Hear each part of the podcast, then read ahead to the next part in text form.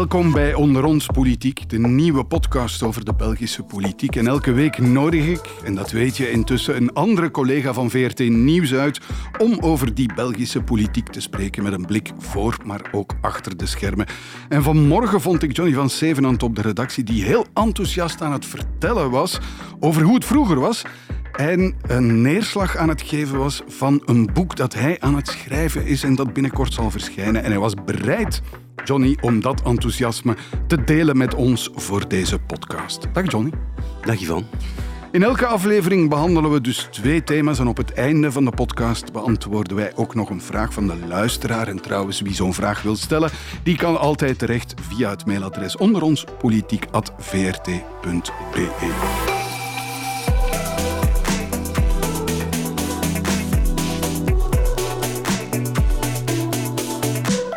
Goed, vandaag, Johnny.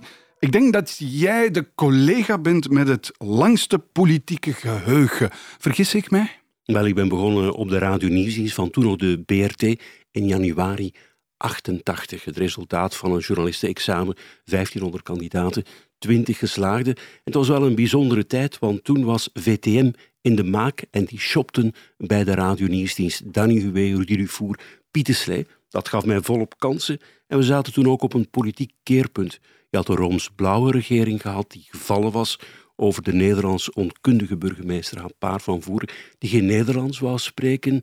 De PS had meer dan 40% van de stemmen gehaald, dus moest Rooms-roter komen wat CVP niet echt wou. Ja. En dan hebben ze de Volksunie bij genomen en een grote staatshervorming gedaan. Merkwaardig genoeg, ik ben begonnen in 1986, maar op de verkeersredactie. Maar ik heb eigenlijk dezelfde periode meegemaakt, het ontstaan van VTM. Ik werkte toen onder Danny Verstraeten. En Danny Verstraeten is vertrokken naar VTM. Dus eigenlijk zijn we... Goed, ik heb intussen ook een legerdienst gedaan en ik ben op de nieuwsdienst in 91 begonnen. Maar we hebben een beetje dezelfde periode gedeeld. Hè? Klopt toch, hè? Zeker, zeker, ja, ja. Als je nu terugblikt op die periode, wat is er veranderd voor ons beroep? Wel, uh, wat de politieke situatie betreft, dit was nog de tijd van de verzuiling in 88. Het was van de wieg tot het graf dat je tot dezelfde zuil behoorde. Dat is in de loop van de tijd verdwenen. Dat heeft de politieke stabiliteit verminderd.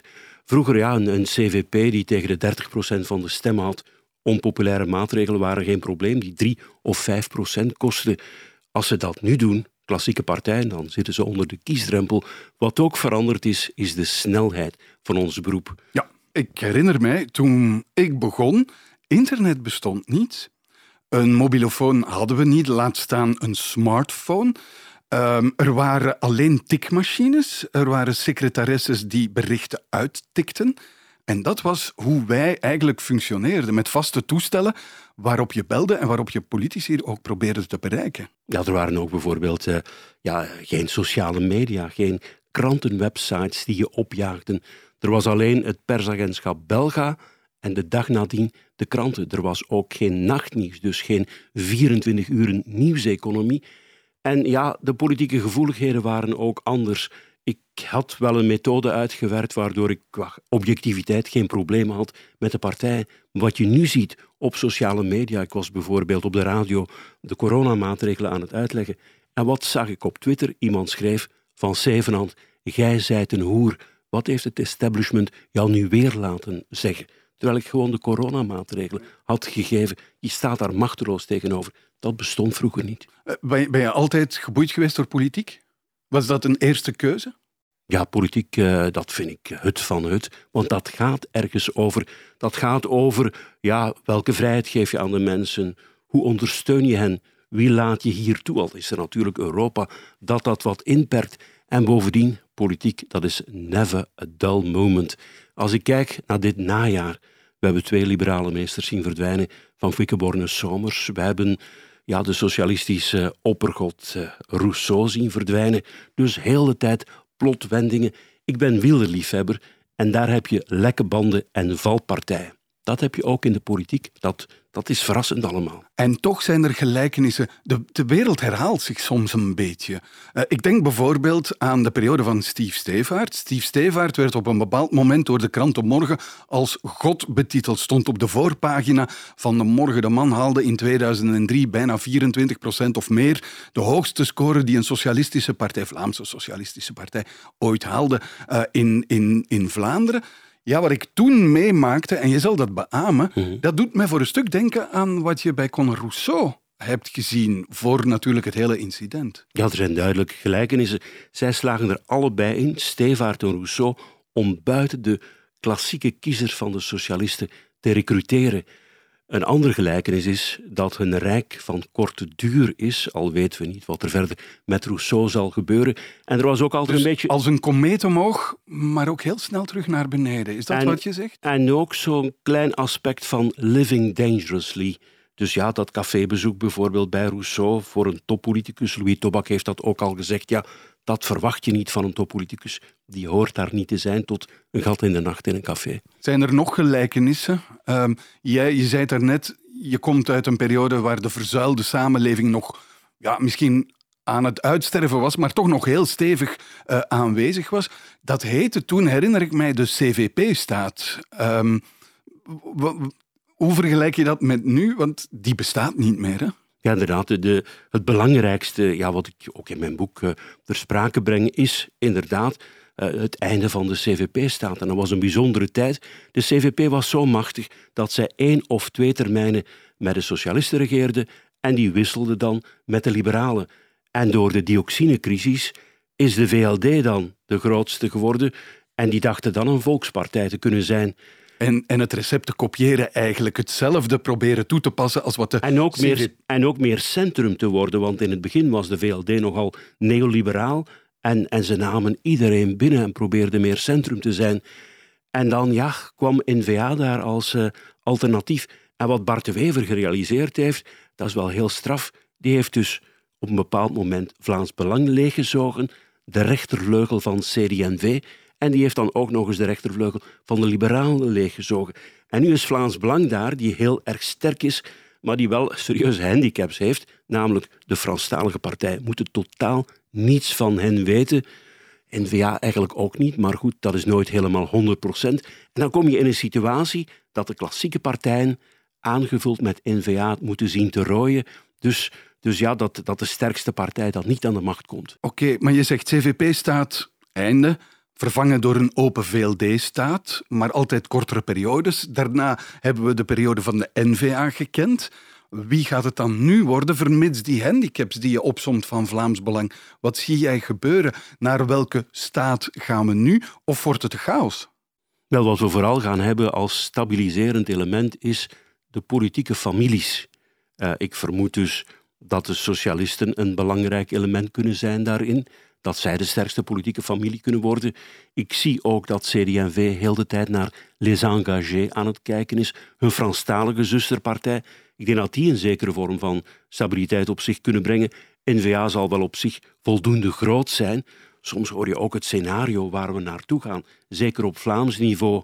Um, N-VA vooruit, CD&V al of niet aangevuld met Open VLD. En dat die partijen dan de overstap maken samen naar het federale niveau en de discussie aangaan met de PS, dat is ja, wat, wat eigenlijk in de sterren geschreven staat. We zijn allebei, ik herhaal het nog eens, ongeveer rond dezelfde periode uh, begonnen. We hebben elkaar ook heel goed leren kennen in een bepaalde periode, namelijk dat van het Augusta-dossier. Uh, je had het daarnet over, over valpartijen en lekke banden. Wat is de, het grootste, de grootste valpartij of de grootste lekke band die je in de politiek hebt, hebt meegemaakt? Is dat dat Augusta-dossier? Ja, de, die Augusta-affaire heeft de grootste indruk op mij gemaakt. En we zijn in der tijd samen geregeld naar Luik gegaan.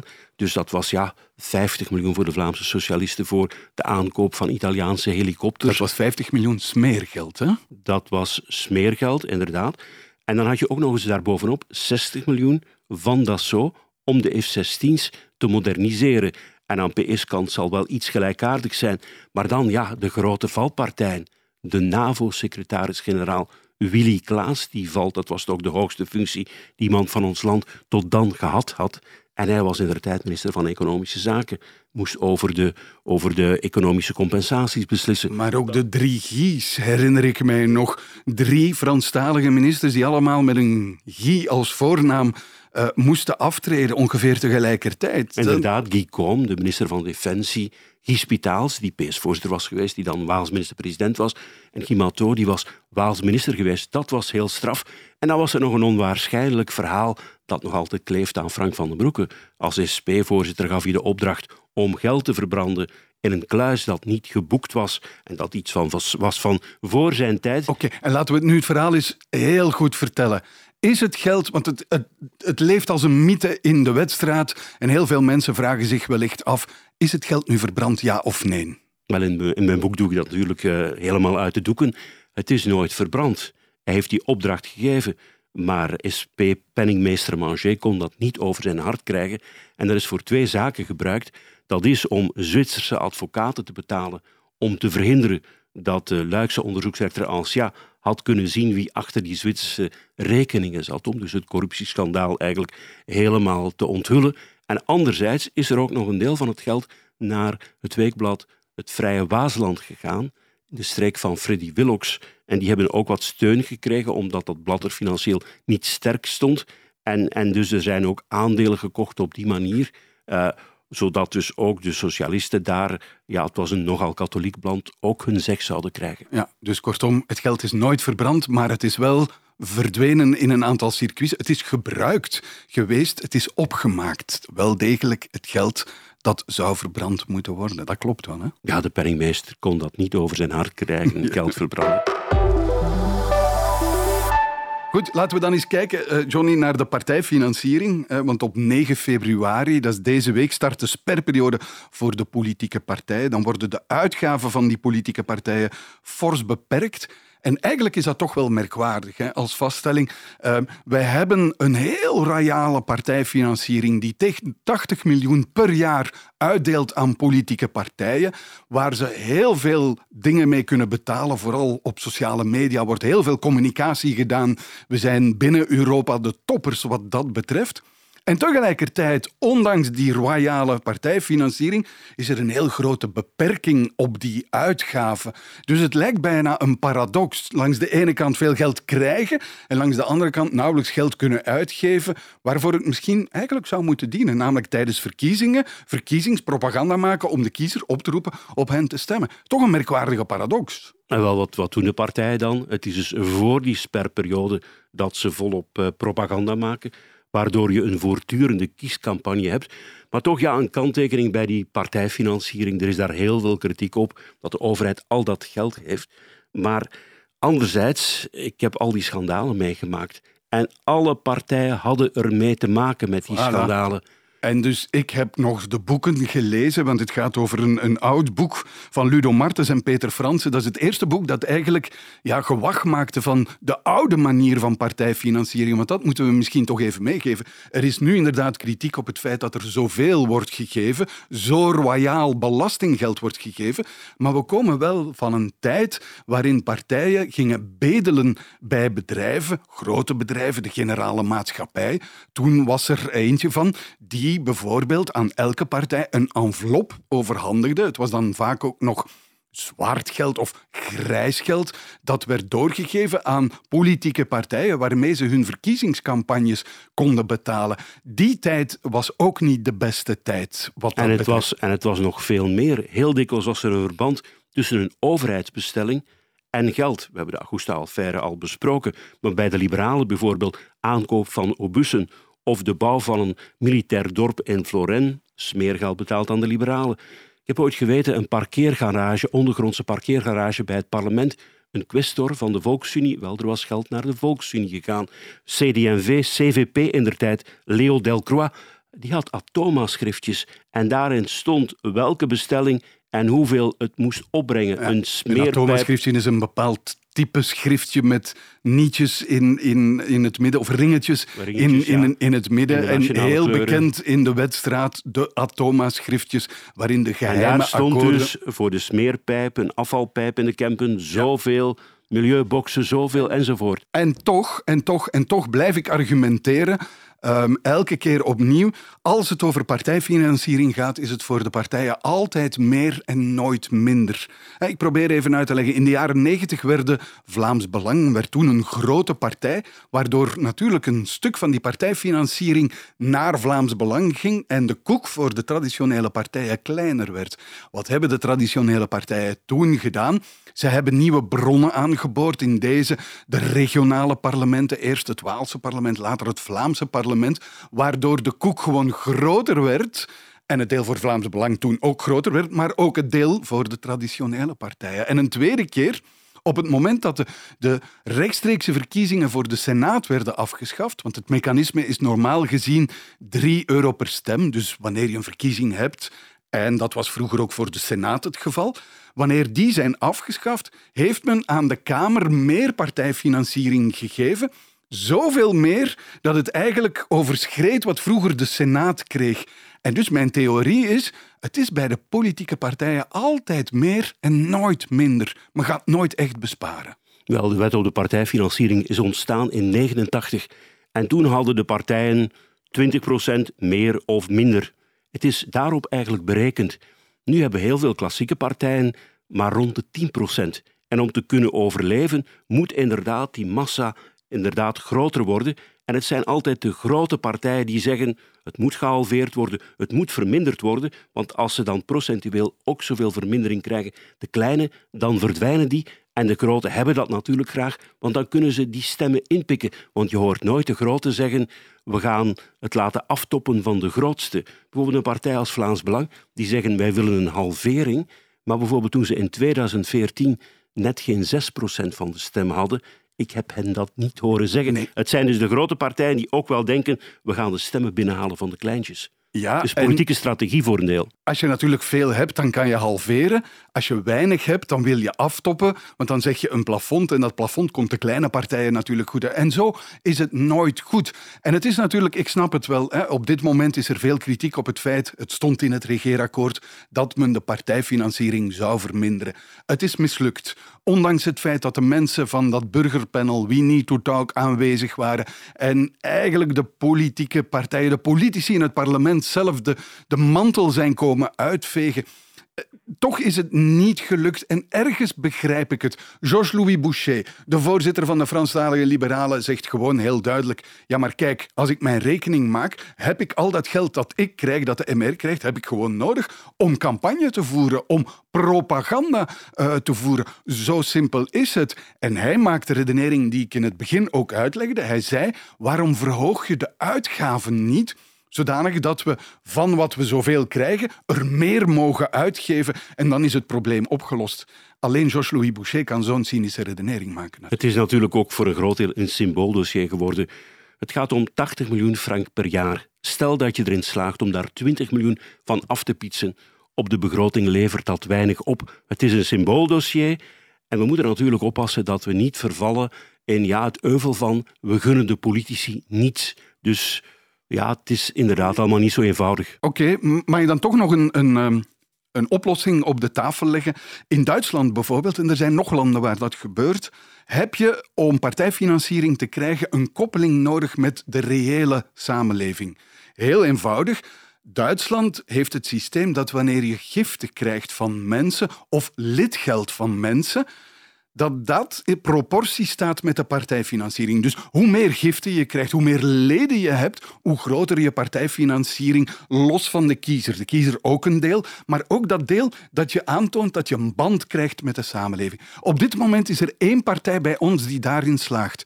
Dat is de PvdA. Door een systeem waarbij er heel veel giften door leden worden gegeven, de mandatarissen een stukje afgeven. Zij zijn eigenlijk het voorbeeld van een partij die wel degelijk wortels heeft in de samenleving en dat bewijst. Maar ook dat systeem vindt geen ingang of geen genade in de ogen van de mensen van die commissie partijfinanciering. Als je zegt, ja, de band met de samenleving. Ja, ik vermoed dat sommige partijen meer kapitaalkrachtige kiezers hebben. Die kunnen dus aan meer geld geraken. Vroeger was er de praktijk dat ministers zakenlui bijvoorbeeld ontvingen op een maaltijd. Die zakenlui betaalden om daar aanwezig te zijn. langs dat achterpoortje, want dat was eigenlijk een soort achterpoortje. Um, met Geert Versnik, de sponsor uh, diners. dat achterpoortje is relatief laat Dus moeten, gesloten, moeten, moeten we daar mee, meer naartoe? Of ja, wat PVDA doet, dat is zeer lovenswaardig, maar die hebben super gemotiveerde militanten die een groot deel van hun loon afgeven. Ook de verkozenen doen dat. Maar moet de politieke strijd op die basis geleverd worden? De soberheid van de militanten, moet het dat worden? Willen we dat? Er is hoe dan ook een band met de samenleving, doordat het per stem is dat er geld gegeven wordt. Dus je moet dus wel die stemmen Ja. krijgen om dat te krijgen. Maar dat betekent ook dat, omdat die partijfinanciering zo royaal is, een partij als bijvoorbeeld LDD jarenlang kan overleven, ondanks het feit dat ze niet meer aan verkiezingen deelneemt, omdat ze zo in het verleden stemmen heeft geronseld en daar financiering voor gekregen heeft, dat Jean-Marie de Dekker op een bepaald moment, toen hij stopte, niet verkozen werd in 2014, een bedrag van ongeveer anderhalf miljoen euro ja, op een VZ2-rekening had staan en daar gebruik kon van maken om zijn activiteiten lokaal en die van Peter Reekmans, dus de kleine overblijfselen van die partij, LDD, nog te financieren. Je krijgt dus partijen die bijna los kunnen bestaan van het feit dat er een verkiezing is en dat er leden zijn die gewoon ja, virtueel kunnen blijven bestaan door dit bedrag.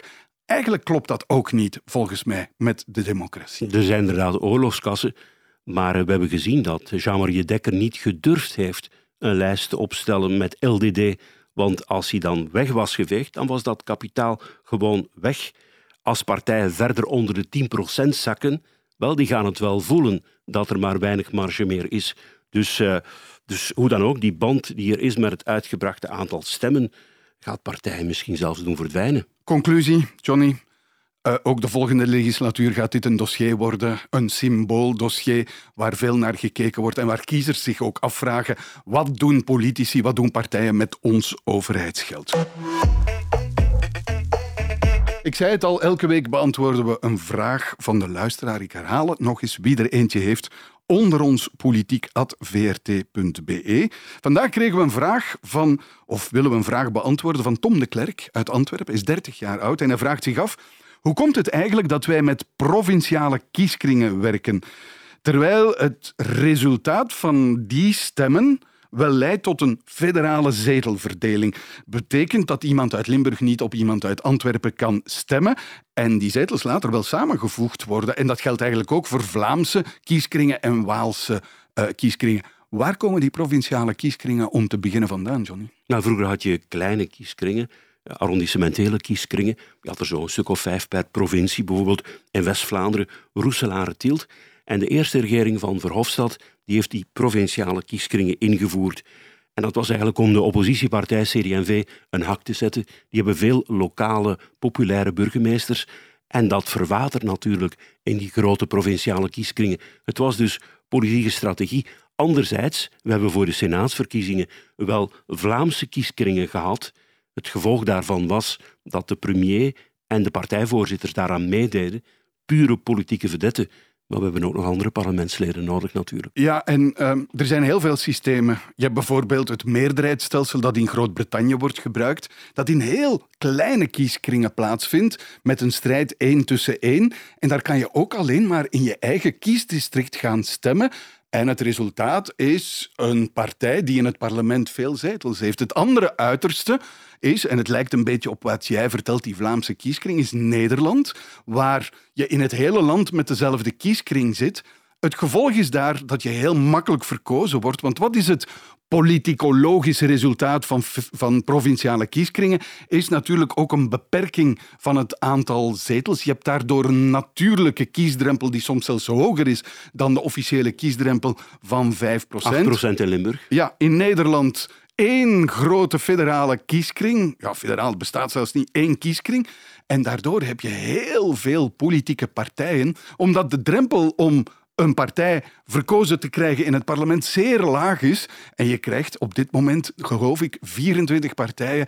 Verschillende daarvan hebben maar één persoon, één politicus die die vertegenwoordigt in het parlement. Dus elk kiessysteem is een beetje een combinatie van zoeken naar efficiëntie, goed functioneren en tegelijkertijd niet leiden tot ja, uitzonderlijke situaties. Want in Nederland gaan er wel degelijk stemmen op om dat aantal te beperken en dus te gaan sleutelen aan dat kiessysteem. Goed, ik denk dat we bijna aan het einde zijn. Johnny, ik zeg het nog eens. Wie een vraag heeft, onder ons politiek.vrt.be. Johnny van Zevenand, hartelijk dank voor je geheugen. Nog even zeggen dat we als politieke podcast ook niet willen ontbreken op het podcast-event van de VRT. 9 maart in Mechelen is dat. En tickets vind je nog altijd via de website van VRT Max. Voor een sessie vraag het aan Ivan en Johnny. Ja, je mag echt wel meekomen. Want de bedoeling is dat de mensen vragen rechtstreeks kunnen stellen aan mij, aan jou, aan andere collega's over die Belgische politiek. En volgende woensdag vind je onder ons politiek weer in de app van VRT Nieuws. Tot dan.